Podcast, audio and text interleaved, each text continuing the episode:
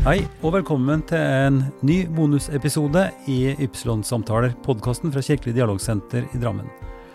Navnet mitt er Ivar Flaten, og jeg er leder for Drammen Sacred Music Festival, som nå foregår. Verden på vippepunktet er tema for den andre samtalen i serien Ordet er dekket, som er en ny programpost i Drammen Sacred Music Festival 2021. Programleder for serien er NRK-journalist Bjørn Olav Nordahl. Denne andre samtalen skjedde på Quality Hotel River Station søndag 19.9. Samtalen ble strømma live og kan ses på www.ypsilonsamtaler.no.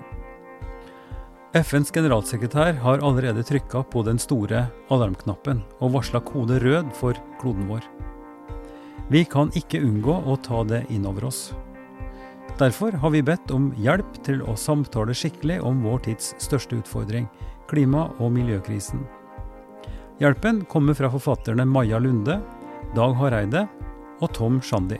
Hjertelig velkommen til andre dag av Drammen Sacred Music Festival. Quality Hotel River Station. Og det er veldig hyggelig å se at så mange har funnet eh, veien til Ordet er dekket. Dette er en ny samtaleserie. Det er en nyvinning under årets festival, hvor vi inviterer til dels profilerte personer til å snakke om ting som er viktige, vanskelige, utfordrende, spennende, morsomme osv. Og vi snakker sammen i en god time hvor folk får anledning til å både resonnere og snakke ut. I dag så skal vi møte tre forfattere som sammen med oss skal samtale om kanskje vår tids største utfordring, nemlig klimautfordringene. Og vi har kalt det 'Verden på vippepunktet'.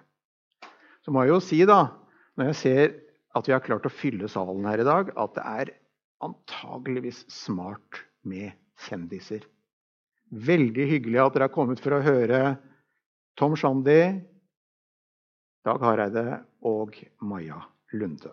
Og vi skal begynne ikke med den som har solgt flest bøker, men den som har skrevet flest bøker. Antageligvis så ligger de andre ganske langt etter på lista. Han begynte å skrive fuglespalte i Drammens Tidende allerede som guttunge, og siden så har det bare balla på seg. Ta godt imot forfatter, forelegger, naturfotograf, biolog Tom Shandy, som har et førtitalls bøker på samvittigheten etter hvert.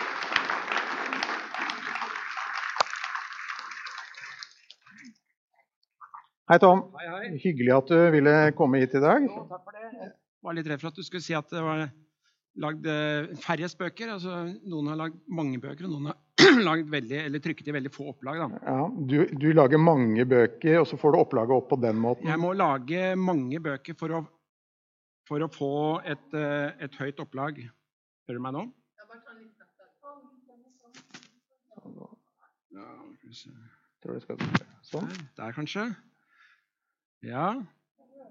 Nå kan dere høre. Ja. Ja, det er bra.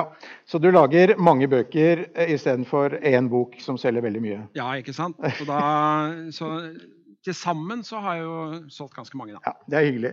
Eh, først og fremst er vi her fordi du er en eh, biolog, naturfotograf, som har reist i store deler av verden. Og du har tatt bilder av dyr og natur rundt omkring på hele kloden. Og ikke bare det, men også tatt bilder av sårbar natur. Og vi skal begynne i dag. Det er Grunnen til at vi begynner med Tom i dag, er at han har tatt med seg noen av de fantastiske bildene. Og vi kan snakke så teoretisk og verbalt så mye vi bare vil om det som er trua, det som vi er glad i. Men hvis vi ikke får det litt sånn tett på, så blir det kanskje litt abstrakt. Så Tom, hvor skal vi begynne? Nei, hvor skal vi begynne? Jeg tror vi begynner eh, helt i sør. Vi bor på en klode, og det vi snakker om, klimakrise Men ikke bare klimakrise, men også naturkrise. Det er jo globalt. Så jeg begynner i sør, og jeg har vært så heldig å få oppleve noen av de mest fantastiske skapningene på denne jorda, som er supertilpassa et eh, beintøft miljø i Antarktis, nemlig keiserpingvinen. Hva er det med keiserpingen som gjør at du har tatt med deg på skjermen i dag? Nei, altså, Keiserpingvinen lever jo under, eh, under de mest ekstreme forholda. eh, Antarktis er jo det mest ekstreme kontinentet. Og eh, de legger altså da egg midtvinters der nede. Og ungene kommer da til verden på det mest uh, utenkelige tidspunkt. Altså når det er Når isen rundt Antarktis har størst utbredelse, så kommer ungene til verden. Og da er det far som har sittet og, og ruget på det ene egget oppe på føttene sine under en skinnfold i 40 døgn. Eh, hunden har da vært ute og spissa opp. Og når hun skal komme tilbake og ta over sin økt med å fòre ungen, så må hun kanskje gå 150 km over isen for å komme fram. Ja, men hva er det som gjør at dette er problematisk jo, nå? Det som er greia, er jo det at eh, når ungene vokser opp og er klare til å gå på sjøen altså De er ikke svømmedyktige før, uh, før de har fått voksendrakt. Og det skjer ved juletider. Og det som skjer i Antarktis nå, er jo det at isen smelter jo også der. Og hvis isen Disse her er jo aldri på land. De er på havisen. Og hvis havisen da smelter under beina på pingvinene, så drukner de. Så det er nøye tilpassa. Og nå begynner da isen å smelte såpass mye at de gamle hekkeplassene de, de, ligger, altså de vil ikke kunne overleve. Da. Det er en trussel. Så dette her er Antarktis svar på isbjørnen på Nordpolen. Samme problemstilling. De er avhengig av isen for å overleve. Forsvinner isen, forsvinner også keiserpingvinen. Neste bilde.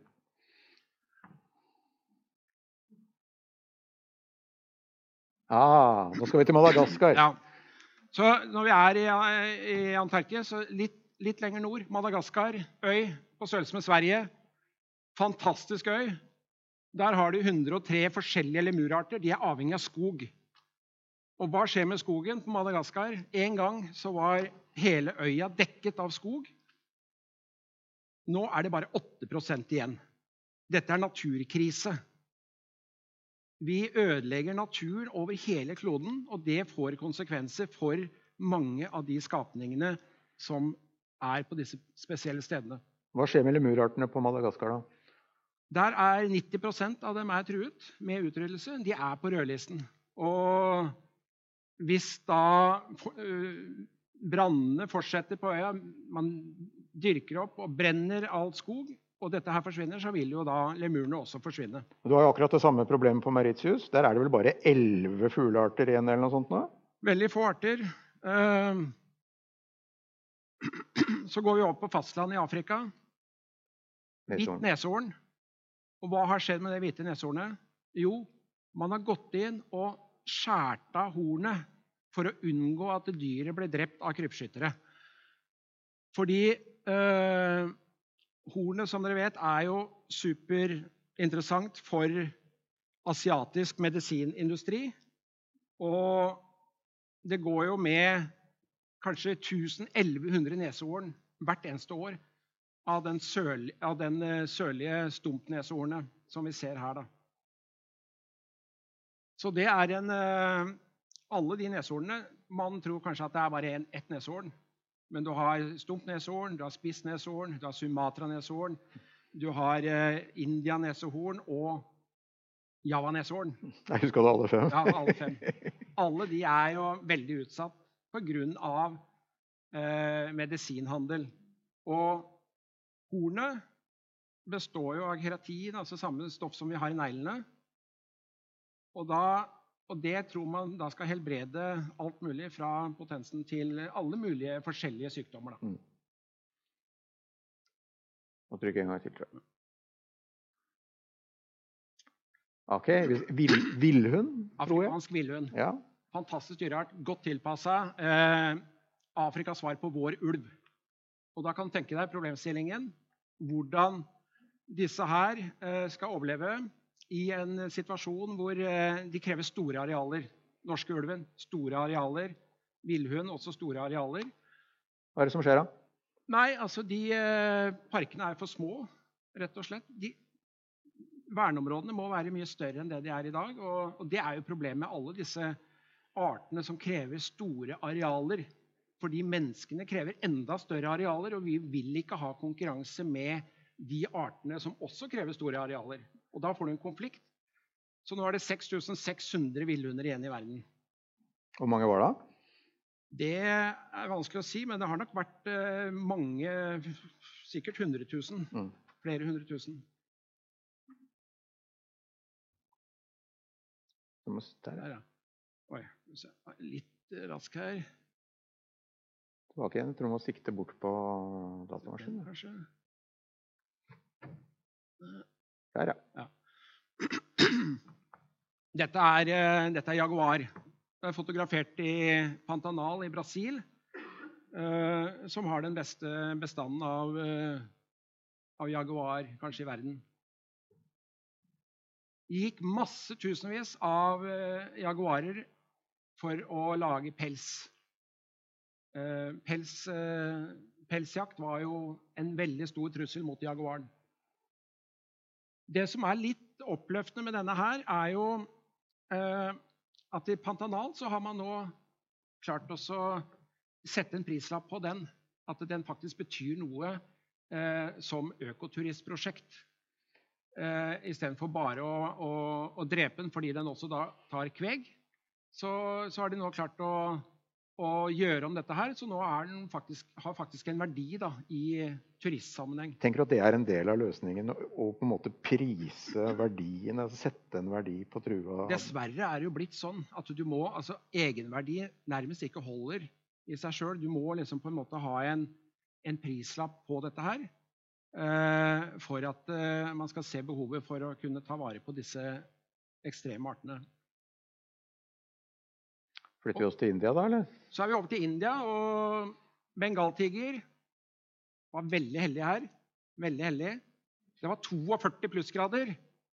Og jeg satt i åpen Land Rover og uten tak. Eh, og tenk deg det, disse, det paret her De para de elska i 42 plussgrader. Det er, det er ganske tøft, altså.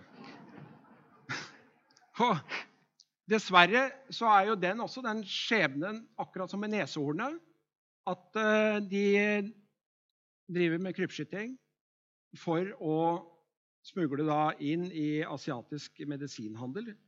Pulveriserte tigerknokler blir da brukt og solgt da på markedene i Asia. Ehm, så det er ganske, ganske dramatisk. Men nå har man jo vært veldig flinke i India til å klare å ta vare på tigeren. De har oppretta mange tigerreservater. Og bestanden akkurat nå er liksom litt på vei oppover. Da må jeg bare skyte inn, fordi dette er jo interessant, eh, jf. vår hjemlige rovdyr- eller rovviltdebatt. Altså, her trekker du jo fram både mm, Brasil, India, land som gjør noe for å bevare disse rovdyrene, mens vi her kanskje i hvert fall har eh, en del politiske partier som mener at de er totalt unødvendige. Hva tenker du om Det det? er et tankekors og selvsagt et stort problem. Altså, sånn som vi forvalter våre rovdyra uh, i Norge, det er uh, Altså, det er jo stikk i strid med all moderne tenkning. Altså, når jeg ser hvordan uh, noen partier, eh, uten å nevne navn, eh, ønsker disse dyra, de store rovdyra vekk og bort, så tenker jeg at dette er sånn man gjorde det på 1800-tallet. Da skulle alle dyra bort. Jeg har med et bilde av ulv seinere, så vi får se da.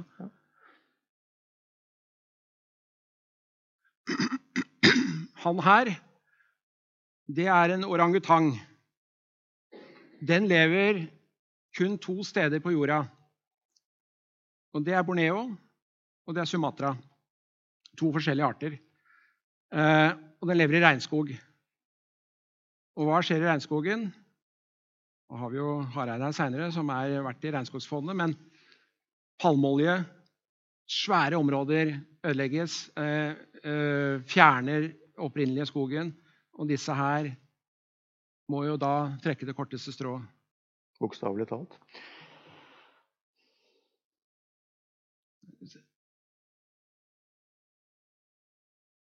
Der kommer den. Der har vi ulven. Det er eh, forløperen for alle hunderaser i Norge i, i verden. Dette er stamfaren. Eh, vi burde være veldig glad for den. Eh, uten ulv så hadde vi ikke hatt eh, narkotikahunder, politihunder, eh, skredhunder eller, eller, hva som helst.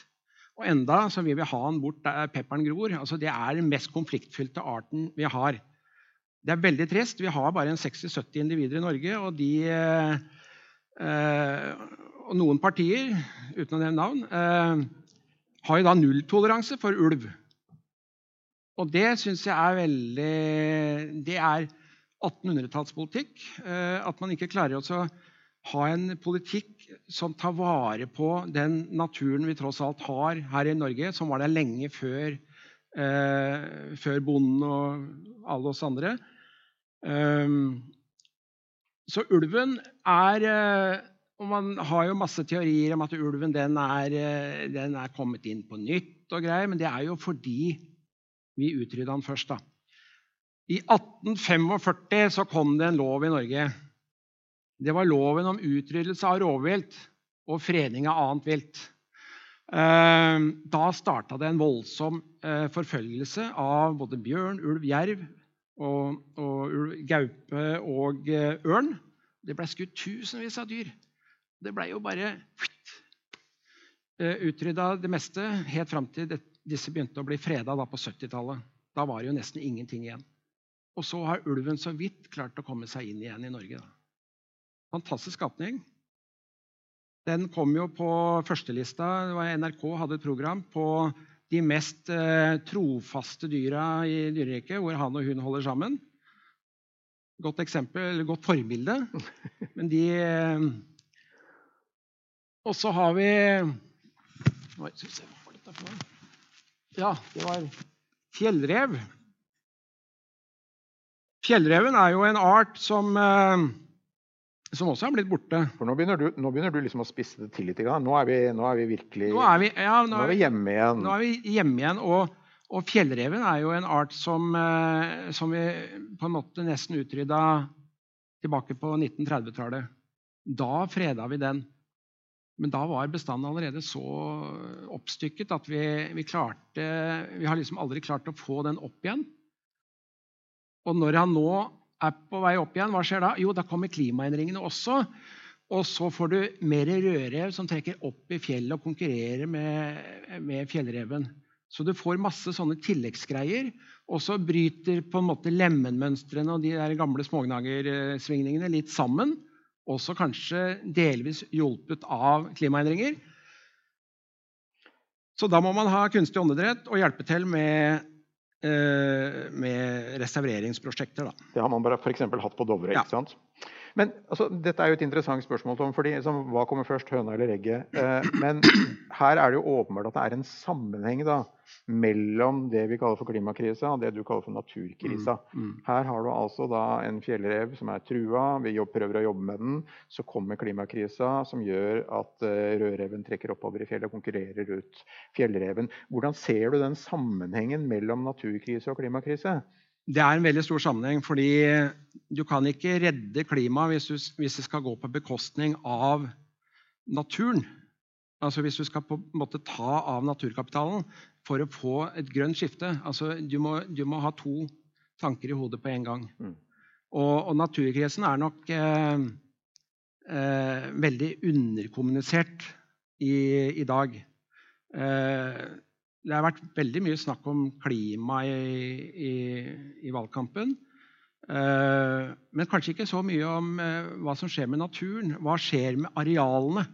Altså arealendringer. Nå har jo uh, Sambima, altså Samarbeidsrådet for biologisk mangfold, de har, jo, de har jo lansert dette her med arealnøytralitet. Altså ikke bare karbonnøytralitet, men også arealnøytralitet. At man skal bevare Altså, ikke ta mer arealer enn vi allerede har. Og vi kjører på litt her, for dette er kjempespennende. Men Skog er jo det stedet hvor vi har mest eh, arter, og hvor det også er mest truede arter, fordi skogen forsvinner, den gamle skogen forsvinner. Dette er hvitryggsspetten. Eh, I Lierdalen, var, eh, rett bak oss her, så var jo Hvittrykkspetten eh, vanligere enn flaggspett eh, på 50-tallet. Nå er den ikke der lenger pga. moderne skogbruk har endra forutsetningene totalt for den arten. Havet Storlom? Nei, dette her er, dette her er lomvi. Lomvi, ah. Og Lomvien den uh, har gått tilbake de siste 40-50 åra uh, med 99% i Atlanterhavet. Pga. overfiske, pga. garndød og nå også klimaendringer som kommer. Det blir sånn forsterkende faktor. Du får flere ting som, eh, som jobber sammen. Så Det som skjer i havet, er veldig dramatisk. Lunde, lundebestanden på Røst, for eksempel, som talte halvannen million eh, når jeg var der i første gang i 79, der er det 250 000 par igjen. Så og så har vi, ja, så har vi blomster òg. Du er jo opptatt av orkideer og uh, myrflangere. Myrer, kalkrike myrer, har jo blitt uh, drenert og de, blitt borte. Så Derfor er det veldig viktig med de reservatene som er. Så, så det er jo én art som er truet. Og så har vi denne her. Det er huldresry, som er en sånn gammelskogsart som øh, som biologene går og leiter etter når de skal, eh, når de skal vurdere om et skogområde er eh, verdt å ta vare på. Da skal man ha disse, disse sjeldne artene. Litt treg, den der. Jeg måtte ta med isbjørn. Du ville at, ja, ja. Jeg var litt usikker på om vi skulle ta med isbjørn. I og med at vi begynte i sør, Isbjørn er det samme som keiserpingvinen i, i, sør, så er denne her i nord. Isen forsvinner. Klarer ikke å ta, ta, uh, ta sel, er avhengig av å fange sel på is. Isen forsvinner. Isbjørnen er i fare.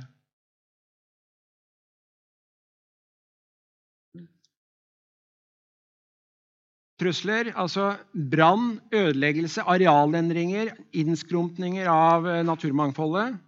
Stor trussel. Hele verden, alle kontinenter. Eh, regnskogene, Brasil, om det er Indonesia eller liksom hvor det er. Branner. Endringer. Mm? Flatehogst. Det var tregt, dette her. Skal vi se. Det var litt treg. Der. Flatehogst. Der. Flatehogst er kjempestort eh, greie etter hvert, også i klimadebatten. Skal man hogge skog, eller skal man, eh, eller skal man la den gamle skogen stå? Fordi karbonet i, i, i, den gamle skogen Mye mer karbon der i den ungskogen, og det er lagra nedi røttene sammen med, sammen med, med sopp osv. Så sopphyfer. Og når du hogger her, så slipper du ut karbonet ut i atmosfæren. Så og faktisk er det mer karbon i de nordlige barskogene enn det er i regnskogen. Og det er veldig interessant. Taigaskogene.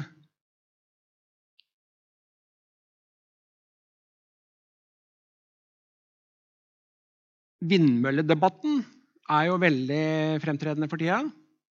Grønne skifte, grønn energi, ok, bra. Men skal vi ha vindmøller overalt? Skal det være vindmøller, og skal man rasere urørt natur for å få opp vindmøller? Nei, mener jeg, da. Og så kan det gå sånn som det gikk med denne her. Hva er dette for noe? Ja? Geirfuglen, ja. Dette bildet har jeg tatt for bare et par måneder siden. Og Det er tatt på Zoologisk museum i Oslo. Hvis du går opp på toppen der og kikker eh, og blir med en eller annen konservator på bakrommet, så er det noen gamle, sånne hyller, og der står disse utdødde artene. Denne her jo, er fra 1831, tror jeg. Siste geirfuglen i verden, 1844. Da var det to islendinger som gikk i land på Eldøy sør på Island. Og de klubba i hjel de to siste eksemplarene av geirfugl. Og så var han ene han var så uheldig at han, han tråkka på det, e, det, siste egget som var igjen i verden av, av geirfugl. Et egg som han kunne fått masse penger for hvis han hadde fått det med seg og solgt det til museene. Fordi dette her var jo museene som skulle ha, ha geirfugl i samlingene sine. Og Zoologisk museum i Oslo har altså ett eksemplar. Ok, Tom. Dette var en kjempeinteressant reise gjennom eh, verden, nærmest. Fra sør til helt nord. Mm. Nå skal vi hente inn neste gjest. som eh, ikke har skrevet så mange bøker eh, som Tom, men hun har solgt mange bøker. Og hun har på mange måter eh, beita på det samme området. På en litt annen måte. Ta godt imot forfatter Maja Lunde.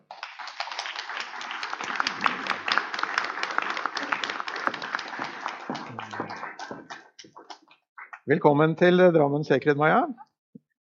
har vi lyd på henne?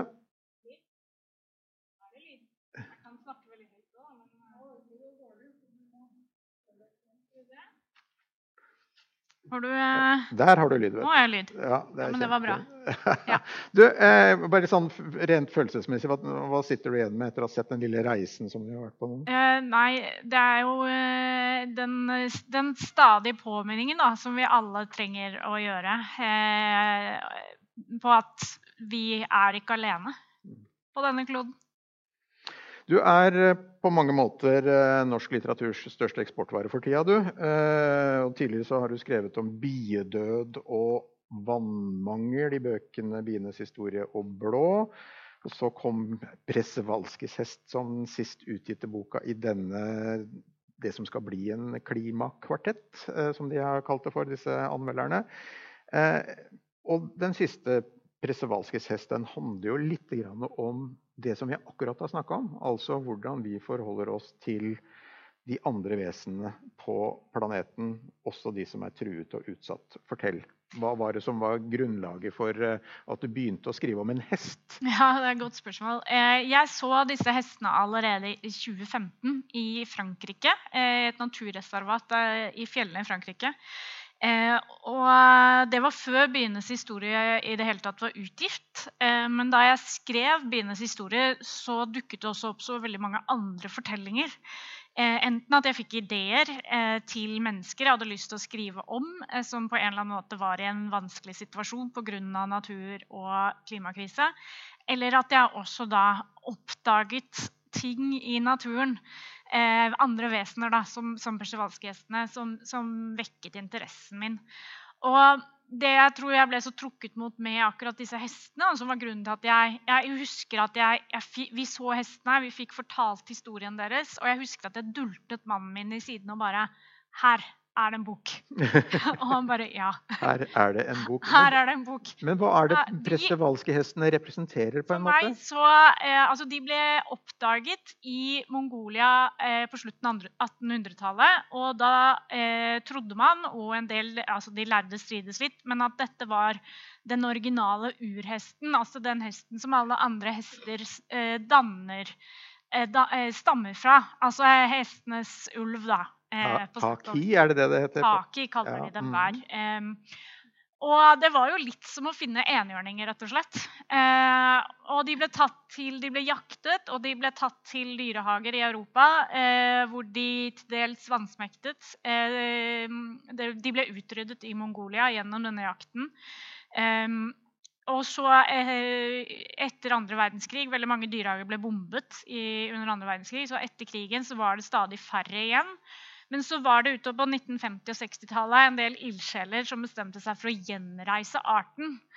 Eh, og fra bare 13 individer så klarte man altså å bygge opp igjen hele arten. Og så, på 1990-tallet, så ble de reintrodusert til Mongolia. Og nå er det et par-tre tusen rundt omkring i verden. 1500 cirka, i mm. Mongolia, sist jeg sjekket. Og du har til og med vært i Mongolia vært og sovet uh, på, på steppene? Ja, Hvordan var det? Nei, det var, Jeg hadde aldri klart å skrive den romanen uh, sånn som den ble uten den turen, faktisk. Uh, men ja, for meg så var denne historien et, altså jeg kunne veldig lite om, om, om, hvordan mennesker har tatt vare på uh, truede arter før jeg gikk inn i dette materialet.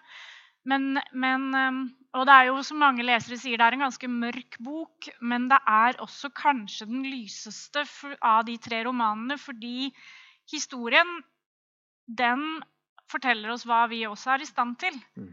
Og vi er den eneste arten på denne kloden som faktisk kan ta et helt bevisst valg om å redde andre arter. Og det er, eh, det er, det er viktig å fokusere på, da, tenker jeg. Du, jeg har plukka fram en anmeldelse fra Weekendavisen i Danmark eh, til, eh, som, er, som kom i forbindelse med Pressevalskis hest. Og de skriver Les, les, bli klok, bli rik i den forstand bli, at det er en rikdom å lese dette, bli redd. Og da er det liksom interessant å snakke litt om det som jo er tema for denne samtalen på mange måter. Hvordan skal vi snakke om disse utfordringene på en måte som gjør at folk engasjerer seg, bryr seg, tar det inn over seg? Er redsel noe av det vi må spille på? Um, jeg mener ikke vi må spille på redsel, men vi må anerkjenne at redselen er der. Og at redsel Jeg kaller det ikke klimaangst. Eh, fordi angst er udefinerbart og vendt innover. Jeg kaller det klimaredsel. Eh, økoredsel. Det handler om eh, en helt reell og naturlig emosjonell reaksjon på en helt reell fare. Og ikke skulle snakke om redsel når vi får disse meldingene vi gjør nå sist med kode rød fra FNs generalsekretær, det er ja, For meg ville det vært veldig underlig. Men Hvor fruktbart er det i den samtalen vi alle trenger å ha om dette, mm. eh, hvis det er den drivende på en måte følelsen i oss? At vi er redde? Nei, eh, redsel kan jo få oss til å flykte, eh, til å slåss. Eh, til å, å, stivne helt. Og, og, altså det vil si å fight, flight or fright. Mm -hmm. og det er jo noe med å også kunne bruke denne følelsen inn i å, å, å få til en endring. Um, men jeg kan bli litt oppgitt over, over uh, altså, en del av både politikere og, og, og, forskere som er redde for å snakke om redselen. Fordi vi er nødt til å anerkjenne at den er her for veldig mange av oss. Akkurat som mange av oss også kjenner på en sorg da, over det vi mister, det vi allerede har mistet. Så nettopp for meg også disse bildene dine, det, altså, de, de vekker jo en sorg i meg. Og, det, og, det jo, og, der litteraturen også kanskje har en rolle, da, tenker jeg, og det tror jeg også er en av årsakene til at mine bøker har truffet så utrolig mange millioner mennesker, er nettopp at jeg også går inn i det emosjonelle. Og vi, eh, det har nesten vært en sånn vegring mot det emosjonelle, eh, sånn som jeg opplevde. Ser, altså hvis, du, hvis, du, sitter i en debatt og er emosjonell, så ser man at forskere for eksempel, sier at 'jeg er bekymret'. Mm. Altså Det ordet redsel har man vegret seg for. da. Eh, men vi er jo nødt til å anerkjenne at, vi, at det er helt, en helt naturlig reaksjon på den krisen vi står overfor. Mm. Eh, og, og, vi må kunne ta den opp og se på den følelsen og si hvorfor kommer den og det handler ikke bare om at vi, vi altså i framtiden har noen og allerede nå ser på noen scenarioer som er utrolig skremmende både for oss og for veldig mange andre arter på denne kloden. Men det handler også for meg om det spriket i ganske mange politikeres eh, måte å snakke om dette alvoret på. Altså, som at alvoret egentlig ikke er der. Så vi må tørre å gå inn i alvoret. fordi det er bare gjennom å anerkjenne alvoret tror jeg, vi også kan vi, vi orker å brette opp ermene på den måten som, som, det kreves at vi gjør. Men så må vi også ha den andre biten der. Og det var derfor det for meg var godt å skrive Persjewalskijs hest. fordi det er en bok som jeg skrev på et ganske, altså det var et ganske mørkt sted. Det var etter tørkesommeren 2018 med branner i Hellas eh, og mange andre steder. Hvor, hvor vi nå virke, altså etter 2018 har vi jo virkelig begynt å se konsekvensene eh, enda tydeligere av særlig klimakrisen. Da. Naturkrisen har vi jo sett allerede i mange år. Um, og jeg syns eh, altså, På den tiden også så snakket vi ikke så mye om det som vi gjør nå. Eh, og jeg begynte å kjenne på en sånn desperasjon over at ikke dette var mer i, i, offent i den offentlige debatten. Eh, at vi så det, vi, det var sånn lammelsesfølelse. Mm. Eh, men nettopp det å gå inn i en historie som handler om hva vi som art kan få til, og hva vi kan gjøre, og hva som er enestående med oss, da, med mennesket. Nettopp det at vi kan bestemme oss for å redde en annen art. Ikke fordi vi trenger den til noen som helst, for disse hestene kan du ikke engang ri på. De kan ikke temmes. De kan ikke dra en vogn. De er, ikke, de er der kun i verdi Eh, altså i sin, sin egenverdi, da. Mm. Det er den eneste grunnen til at vi ville redde dem. Og det er eh, tenker jeg at vi må, Det perspektivet da, må vi ta med oss inn i, i eh, hele debatten. Vi er det sterkeste vesenet på denne jorda, og i den eh, styrken så ligger det enormt stort ansvar, men også mange muligheter. Dette er, dette er Pressevalskis hest. Det er jo en bok av bibelske dimensjoner. Eh, ikke bare når det gjelder tykkelse, men også når det gjelder litt sånn det akopalyptiske. Eh, dystopiske, kaller noen det for. Jeg, har eh, plukket ut et lite avsnitt så Denne boka befinner seg på tre ulike nivåer, altså tre ulike tids... Det er 1880-tallet, 1990-tallet og 2064. Og I 2064 så ser det ikke så bra ut i Norge, ifølge boka. Da er vi på vei og flykter nordover og forlater gård og grunn pga. klimaendringene. Eh, men så er det en eh, hovedperson som lever i 2064 som heter Eva i denne boken. Og hun refererer til en som hun kjenner som heter Anne.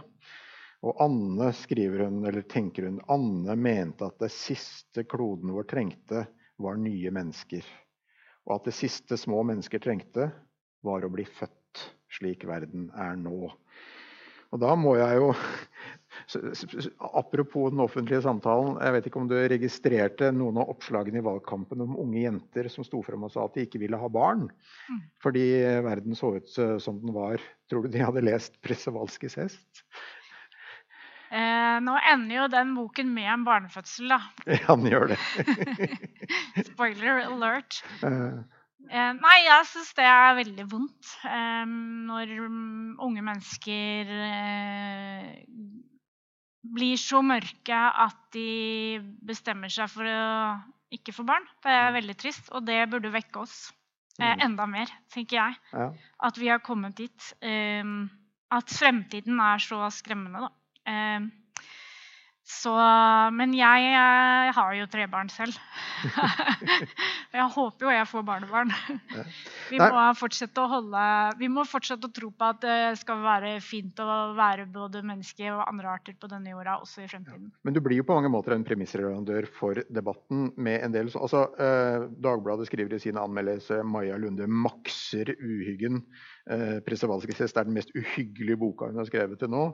Eh, bare les, uh, sitere fra boka igjen. Hele Europa gikk uten retning, uten mål. I sju år holdt de på og kriget om mat, om vann, istedenfor å bruke kreftene på å for- forbedre det man visste ville komme. Sette alt inn på å vinne, men ingen vant, bare tapere sto igjen. Mm. Uh, kjenner du at det er dit vi kommer? Da jeg skrev boka, så måtte jeg gå inn i det mørket. Eh, og det har jo vært noe av det som har vært viktig, kanskje særlig for blå og psjalskis hest, fordi at bienes historie tar mer utgangspunkt i et sånn hva hvis? Hva hvis alle pollinerende insekter på kloden forsvinner? Hvordan vil den faktisk se ut? Mens med blå og psjalskis hest så har jeg gått mer inn i eh, altså det vi faktisk vet, da. Hvis vi styrer mot en 3-4 graders oppvarming, hvordan vil verden bli? Og, og hva vet vi om oss som mennesker i forhold til eh, hvordan takler vi den type kriser med veldig veldig mange flyktninger f.eks. Det vet vi allerede nå. En milliard barn er truet av klimakrisen hvis ikke vi klarer å gjøre noe. Um, er altså for meg handlet det om å gå inn i og ta det, den fremtiden, de tallene, da, på alvor og se hvordan vil verden kunne se ut. Um, og så er det jo også sånn at jeg er romanforfatter, og for meg handler det om å lage disse fortellingene. Og jeg sitter ikke altså Det høres kanskje litt pussig ut, men jeg tenker utrolig lite på leseren når jeg skriver. Jeg tenker ikke på budskap, jeg tenker ikke på um, hva eh, jeg skal oppnå noen slags effekt av boka. Jeg, Selv om noen anmeldere kaller deg for aktivist? ja, nei, og jeg bruker jo da heller ikke eh, ordene jeg, bruk, jeg kaller det ikke klimalitteratur, jeg kaller det ikke dystopisk, jeg kaller det ikke politisk, jeg kaller det romaner. Og så er det opp til leseren hvordan de ønsker å, og hva de ønsker å trekke ut av bøkene. Og det er vel også derfor jeg tror du finner ganske få klare svar i, i, disse romanene. Så det er vel også, jeg tenker at det, det, må leseren selv finne ut av. For meg er det fortellingene. Å være sann og tro mot fortellingene. Å være sann og tro mot romanpersonene men, er det som er viktig. Men la meg da ta utgangspunkt i en annen tekst som ikke er en roman. Siden du nå er inne på akkurat det temaet. fordi i 2020 så fikk du Bjørnsonprisen. Mm. Og da skrev du en tale. Eh, og i den talen så skriver du følgende Jeg har tidligere sammenlignet klimaendringene med en meteor. Tenk om vi våknet til nyheten om at en meteor var på vei mot jorda. Hvis klimaendringene var en meteor, ville vi handlet slik jeg har argumentert. Jeg angrer på at jeg ikke har brukt virus som et eksempel. Hvis klimaendringene var et virus, ville vi handlet. Vi ville glemt de små detaljene som alltid løfter frem som argumenter mot å gjøre noe. Så her er det jo ganske tydelig. Da. Vi er på meteor- og virusbildene. Eh, det er jo ganske heftige ting, da. Og det er jo klima- og naturkrisen.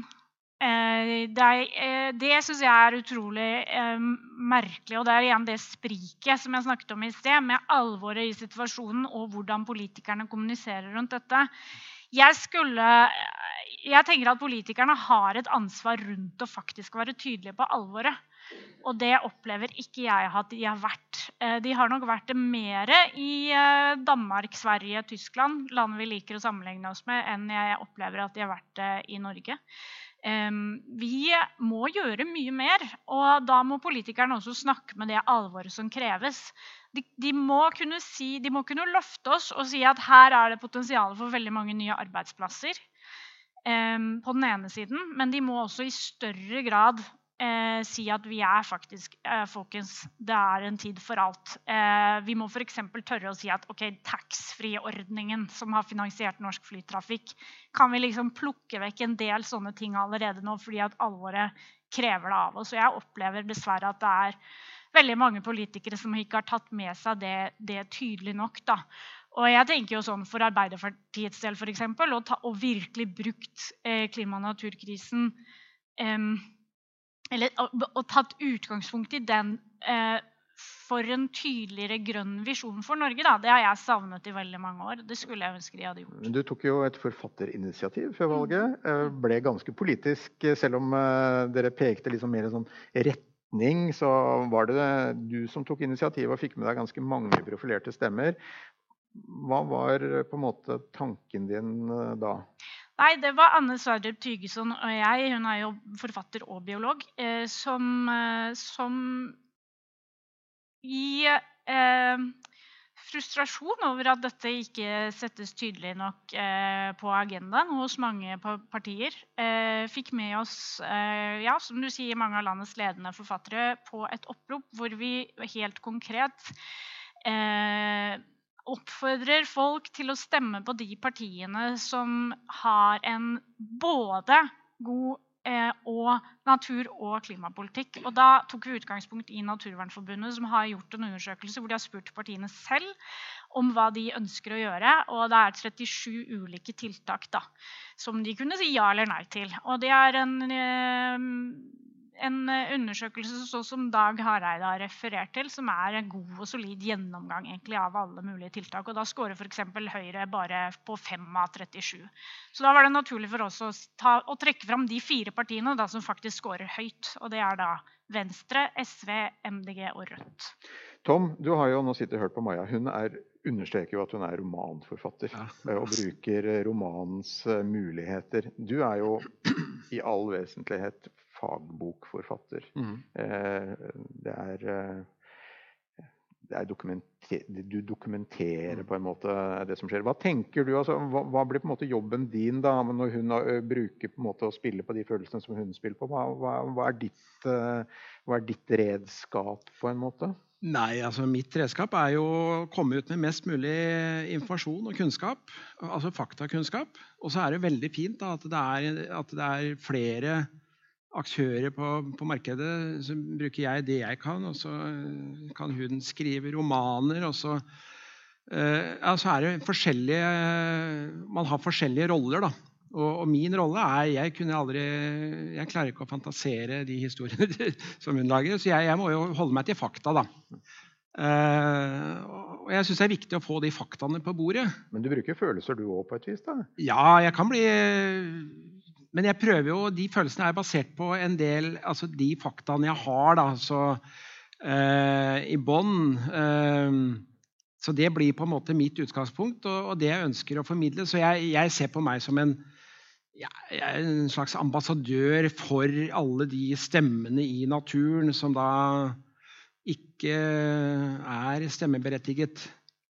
Uh, og det er ganske mange. Mm. De må bare ta det de får, alle de andre. Mm. Vi skal hente inn eh, sistemann i panelet. Han heter Dag Hareide. Kjent som leder av Naturvernforbundet og Regnskogfondet, og i det hele tatt en samfunnsdebattant og engasjert menneske i alle mulige sammenhenger. Vær så god, Dag. Du er også forfatter. Kom opp til oss. Oi, gikk det bra? Det gikk ja. Veldig hyggelig å ha deg her også, Dag. Ja. Dag har skrevet, Dette er den siste boka til Dag. Den heter eh, 'Menneske og teknomakten'. Og jeg går ut fra at du har lest din Olav Duun. Du har bare lagt til et lite ord foran maktene, ja. teknomaktene. Vi skal, vi skal, komme litt tilbake til boka di etter hvert. Men jeg er også sånn opptatt av eh, den samtalen som vi skal føre rundt disse utfordringene som vi står overfor. Altså den mm. offentlige samtalen, hvordan skal den være? Skal den være ekstremt polariserende, sånn som vi har sett i valgkampen f.eks.? Eller skal vi kunne klare å samtale på en måte som gjør at folk på en måte tar dette inn over seg og gjør dette til sitt? Og du har jo sagt at mye av av uh, samtalen er som å løpe 400 meter hekk med ett bein. Eh, kan du forklare hva du mener med det? Jeg tok også initiativ til et opprop. Da. Uh, og det var for å snakke om naturtap. Altså, jeg har vært gjennom tror, fire sånne miljøbølger med stor oppmerksomhet i forrige århundre. Og de var veldig mangfoldige.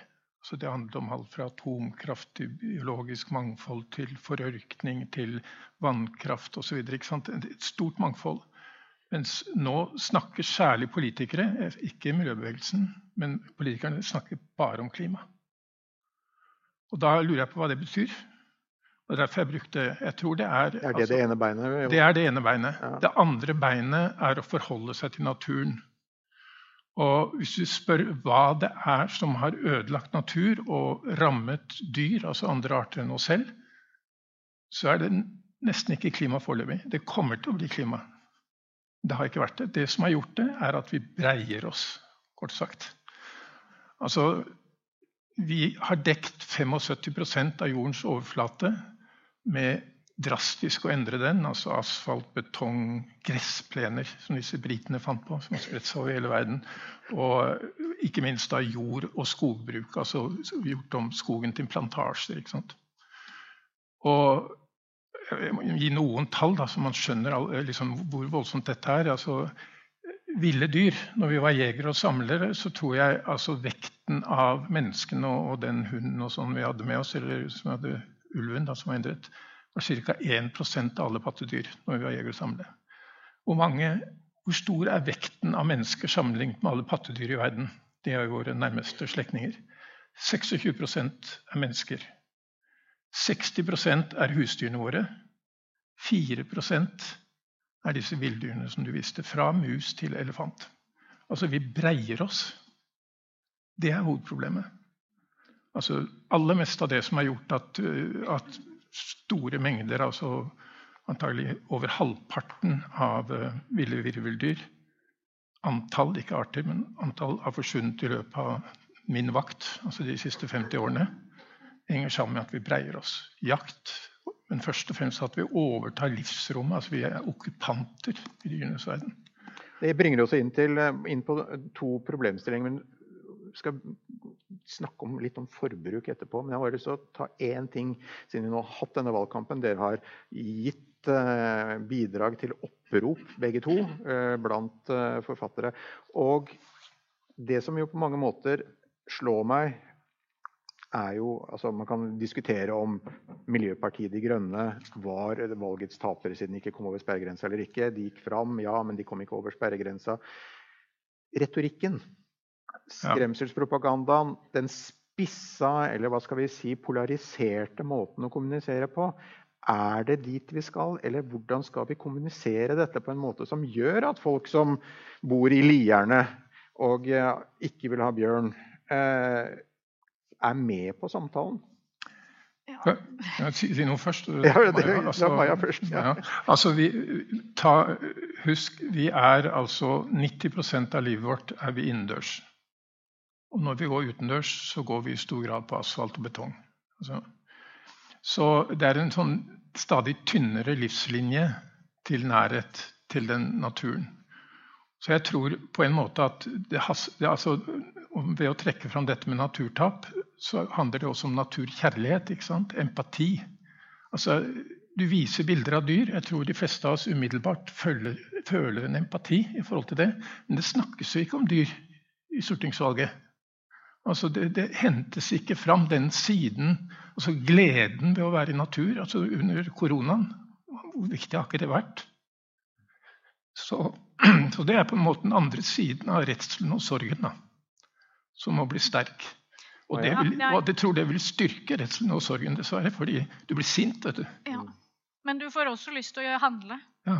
Eh, nei, jeg også savner naturkjærligheten. Og jeg savnet jo som deg også naturkrisen. I, i, i, altså den var jo nesten fraværende eh, i, i, hele valgkampen. Og jeg, apropos De Grønne, så tenker jeg jo det kanskje er en ting det partiet kunne fremhevet mer også. Det er jo nettopp naturpolitikk. Eh, men kjærlighet til natur, som vi nordmenn er, eh, har veldig sterkt Eh, og empati, som du sier. Eh, den andre tingen jeg tror vi snakker for lite om, er jo vår evne til omstilling. Eh, som vi jo har vist ettertrykkelig gjennom pandemien. Hvor kjapt vi snur oss, vi mennesker. Hvor mye vi kan få til. Det er som at politikerne har litt sånn dårlig selvtillit på våre vegne, nesten. Eh, hvor da pandemien som siste eksempel, røykeloven et annet. Altså, vi, kaster, vi får det til, vi. Eh, vi kan det her. Ok, Så protesterer vi litt og mumler litt i, i, skjegget og blir sure. Men veldig mye, hvis det presenteres på den rette måten og man er litt modig, er, er vi i stand til å, å gjøre. og jeg tror nok også veldig mange av oss er der nå at vi ønsker egentlig å, å, å skyves litt i riktig retning og være en del av løsningen. Da. Vi ønsker alle sammen å være en del av løsningen, ikke en del av problemet. Det er det du sier til ungene dine, er det ikke det? Jo, det sier jeg. De kan gjøre hva de vil, bare de sørger for å være en del av løsningen og ikke problemet. De kan gjøre noe positivt også. Du snakket om arealnøytralitet. Det tror jeg er viktig. Altså, vi kan ikke lenger ta mer areal fra, fra ville dyr og, og sånn. Altså, et Senterparti som har 'ta hele landet i bruk'. altså hele, hvis det betyr 'ta hele landet i forbruk', så vil jeg heller hatt slagordet 'ta halve landet i bruk'. Altså, sånn, altså vi, vi, må rett og slett få en arealnøytralitet. Hvis du skal bygge på et nytt område, så må du i det minste frigjøre et annet. Og rehabilitering. altså Det var en rehabilitering på Dovrefjell som kostet millioner av kroner. altså Hvor det førte tilbake naturen og ga mulighet for nye arter å komme inn åpne elver i Oslo. altså Det skjer sånne ting. Det er fullt mulig å gjøre. altså Det er et program for at vi kan gjenvinne et nærere forhold til natur. Og at andre arter også kan få lov til å leve ved siden av oss her i, i Norge. Vi skal ikke være det eneste rovdyret, f.eks. Jeg viste to bilder av to forskjellige arter. Det ene var fjellreven, som jo er et rovdyr. Og den andre var ulven. Og Det er to helt forskjellige strategier fra myndighetene. fordi Eh, fjellreven skal vi redde. Den er snill og søt, spiser gnagere. Den, den, da skal vi restaurere bestanden, og vi skal ha avlsstasjoner og gjøre, putte inn millioner av kroner. Den har stått som kritisk trua på rødlistene. Og så kommer ulven, også kritisk trua i Norge på rødlistene. Skikkelig trua, en kanskje mest trua arten vi har i Norge. Nei, Den skal vi gjøre helt motsatt, og den skal vi holde nede under teppet. Og jeg så akkurat det var et intervju med Slagsvold Vedum nå etter valget. og Da ble han intervjua og da, da, sa han ja, nå er ulvene på vei til Sverige. Sånn. Og så holdt han på å le seg i hjel. Og han klarte ikke å stoppe. så, uh, og det er, liksom, som, det er liksom der man er. da, At uh, noen partier altså, Vekk med problemet. Vi må, vi må vri samtalen litt, for jeg vil over på vi vil over på denne boka di i dag. Du, eh, du, ble pensjonist. Eh, kom på Nav sin lønningsliste, som du selv har beskrevet det. Og eh, det ga deg økonomisk frihet og handlingsrom. Betalt for å gjøre ingenting. Betalt for å gjøre ingenting, ja. Det betyr at du satte til side fire år av ditt liv for å reise rundt i verden og sette deg inn i og intervjue mennesker som kunne si noe om den teknologiske utviklingen og hvem som sto bak den på mange ulike områder. Du intervjuet eller snakket med over 200 personer. Eh, så jeg griper fatt i en liten bit av det, for vi kan ikke gå inn i, i hele. Den har jo også bibelske dimensjoner, denne boka her. Dere, dere er jo litt sånn eh, profeten Dag og profeten Moya. Eh, men jeg må bare snakke med deg litt om det vi kaller for de fem store. Det du mm. kaller for de fem store. Google, Facebook, Amazon, Microsoft og Apple. Eh,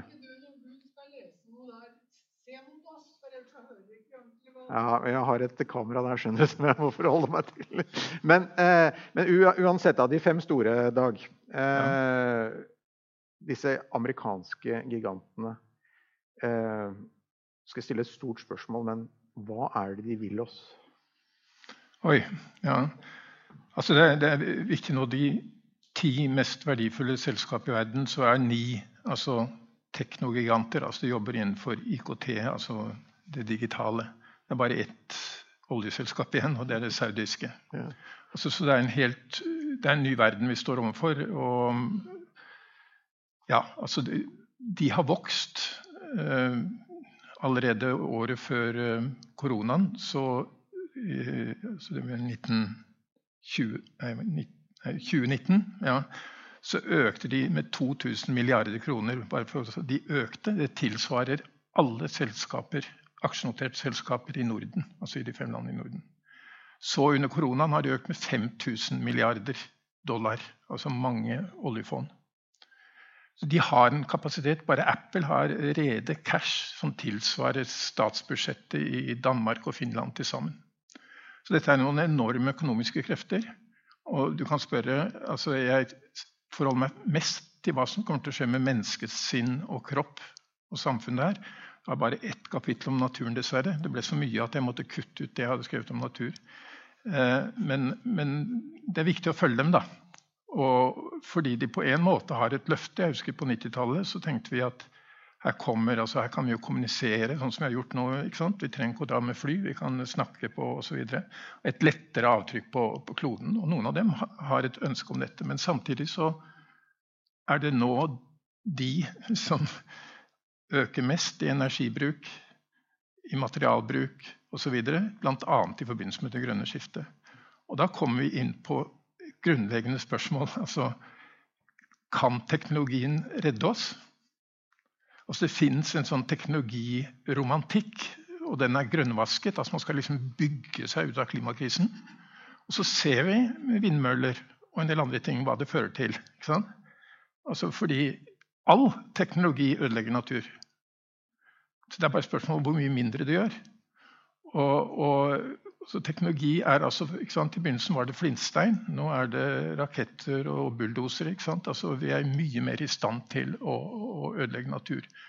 Så Det er et svær sak du spør meg om nå, men, men altså, jeg tenker vi må avvise teknologiromantikken, som på mange måter er spesielt sterk i snakket om klima. Hvis du begynner å snakke om naturkrisen, så skjønner du at det ikke holder. Altså, du skjønner at teknologien er mye mer skadelig. Og det er åpenbart at vi trenger teknologiske endringer. Altså fordi det er teknologien som har ødelagt ting, så må vi få en ny teknologi. Men vi trenger også så mye annet. Vi trenger nye vaner. Altså Vi trenger å gjøre noe med forbruksmønsteret vårt. Vi trenger å, å respektere areal. Altså, vi trenger lover som forbyr ting. Vi trenger lover som en, en, type økonomi som får oss til å endre atferd osv. Altså det, det er mye mer komplisert. Altså, jeg tror ikke veldig mange altså politikere som prøver å unngå harde personlige og politiske valg, de velger å tro på teknologien som en slags gud. Mm. Men la meg gripe fatt i det ene ordet som, som du nevnte nå, altså forbruk. Eh, bare for å sitere, og Det er du som siterer også sjefsøkonomen eh, i Google, Hal Varian.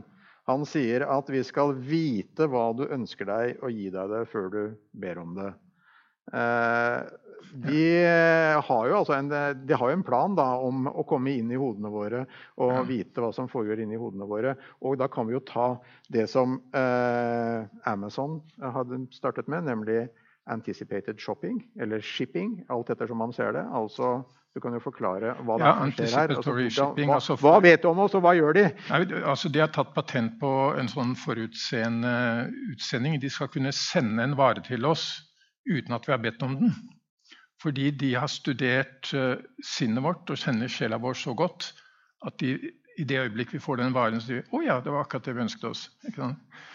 Det Nei, men så sender vi den ikke tilbake. Så sender vi den ikke tilbake, og Dermed kan de utkonkurrere. Og det, Da kommer jeg tilbake til det som var spørsmålet ditt. Altså, Denne nye type økonomi, eller kapitalisme, som vi godt kan kalle det, som starter med Google og så med Facebook, og så har spredt seg til de fem store og til mange andre, handler om å ta mest mulig av vår tid, overvåke oss for å få mest mulig kunnskap, og selge det til hvem som helst.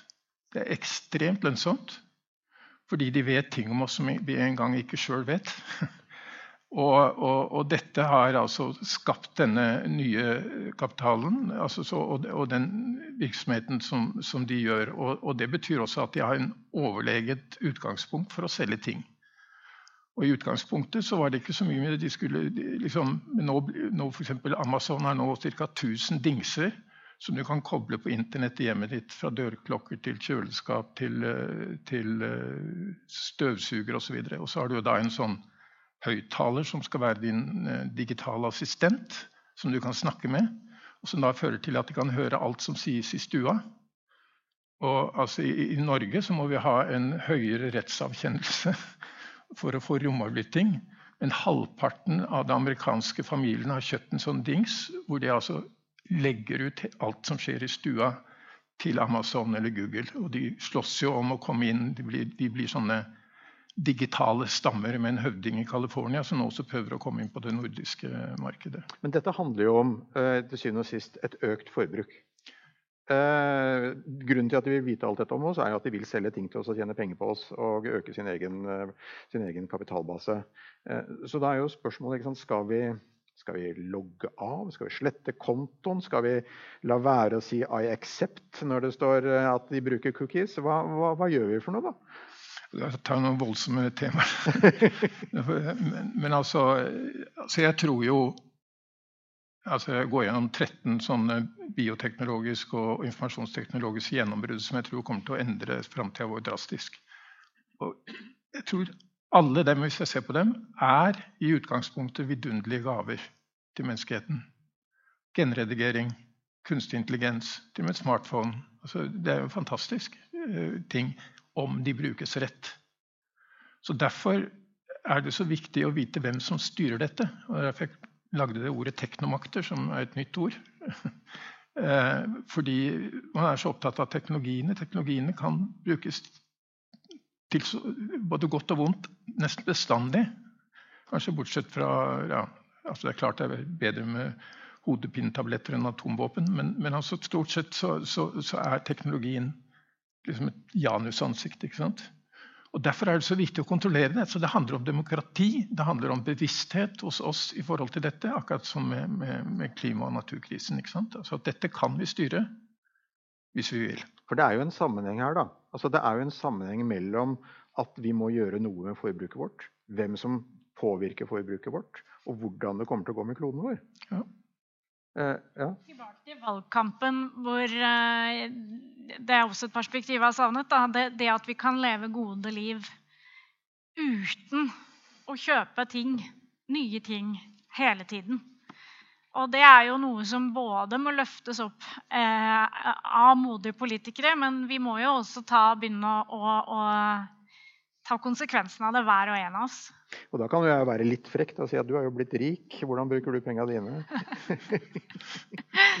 ja, det pleier jeg ikke å snakke så veldig mye offentlig om. Eh, men vi eh, prøver jo så godt vi kan, eh, som veldig mange andre gjør etter hvert, å spise mindre kjøtt og fly mindre og ikke shoppe og alle disse tingene som man vet at hver og en av oss faktisk kan gjøre. Men det, men det må en overordnet styring til også. Det må ligge noen det, må være noen som tar initiativ på toppen, og som, som tør det her.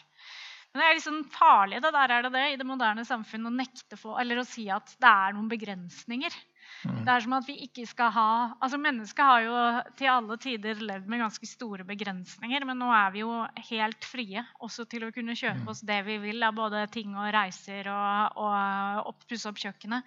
Mm. Eh, og hvis man begynner å snakke om at vi skal tilbake la oss si 30 år i tid da, for nordmenns økonomi, så er jo det eh, blir jo fremstilt som et krisescenario mm. av mange politikere. Mens jeg tror jo for de fleste av oss at vi tenker at vi kan tåle en del hvis det faktisk eh, redder fremtiden for både barn og barnebarn og ja, for eh, oss selv òg. fordi dette er jo her allerede.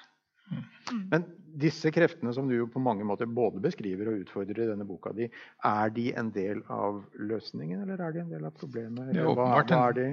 begge deler, men de, må altså, altså de, de, kan ikke bare slippes fri ut fra den forretningsmodellen som jeg sa. Altså det, det, må komme inn. Og nå skjer det ting. Altså Den norske valgkampen hadde ikke dette som tema. Men hvis du ser på, på i USA og i EU, så er de i full gang med å prøve å ta kontroll over. dette.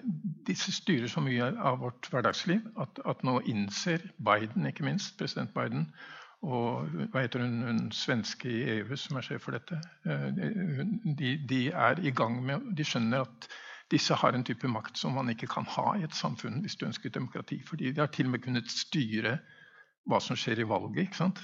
Altså, dette blir store tema hvis vi skal gå inn på. Men det jeg tenker, liksom, av og til så må du skjønne at det enkle er ofte det beste. eh, altså Stoltenberg han sa Oi, vi kan jo la, bare la være å hogge regnskogen. Eh, for han skjønte da plutselig da, For sånn 15 år siden så, så, ble det veldig tydelig at noe av det raskeste og beste du kunne gjøre, var å slutte å hogge regnskog. Det ville være det viktigste bidrag til, til eh, klimakampen.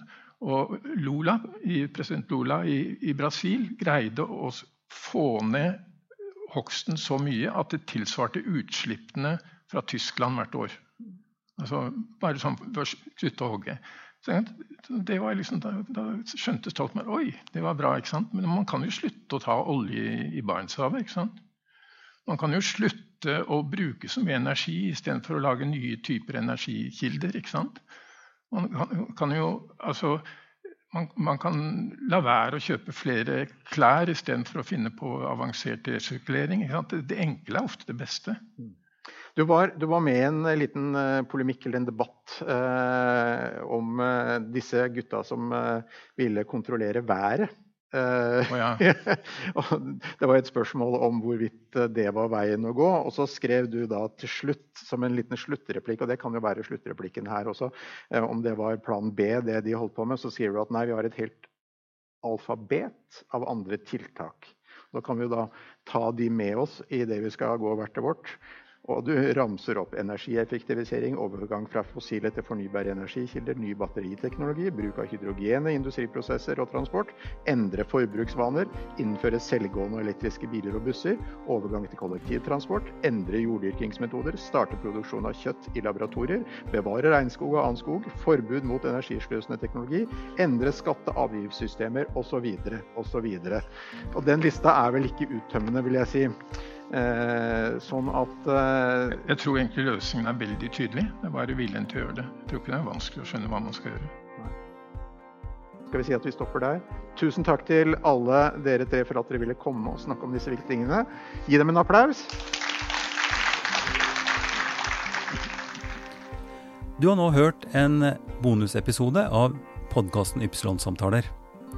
Vi sender flere slike bonusepisoder nå i forbindelse med Drammen Sacred Music Festival.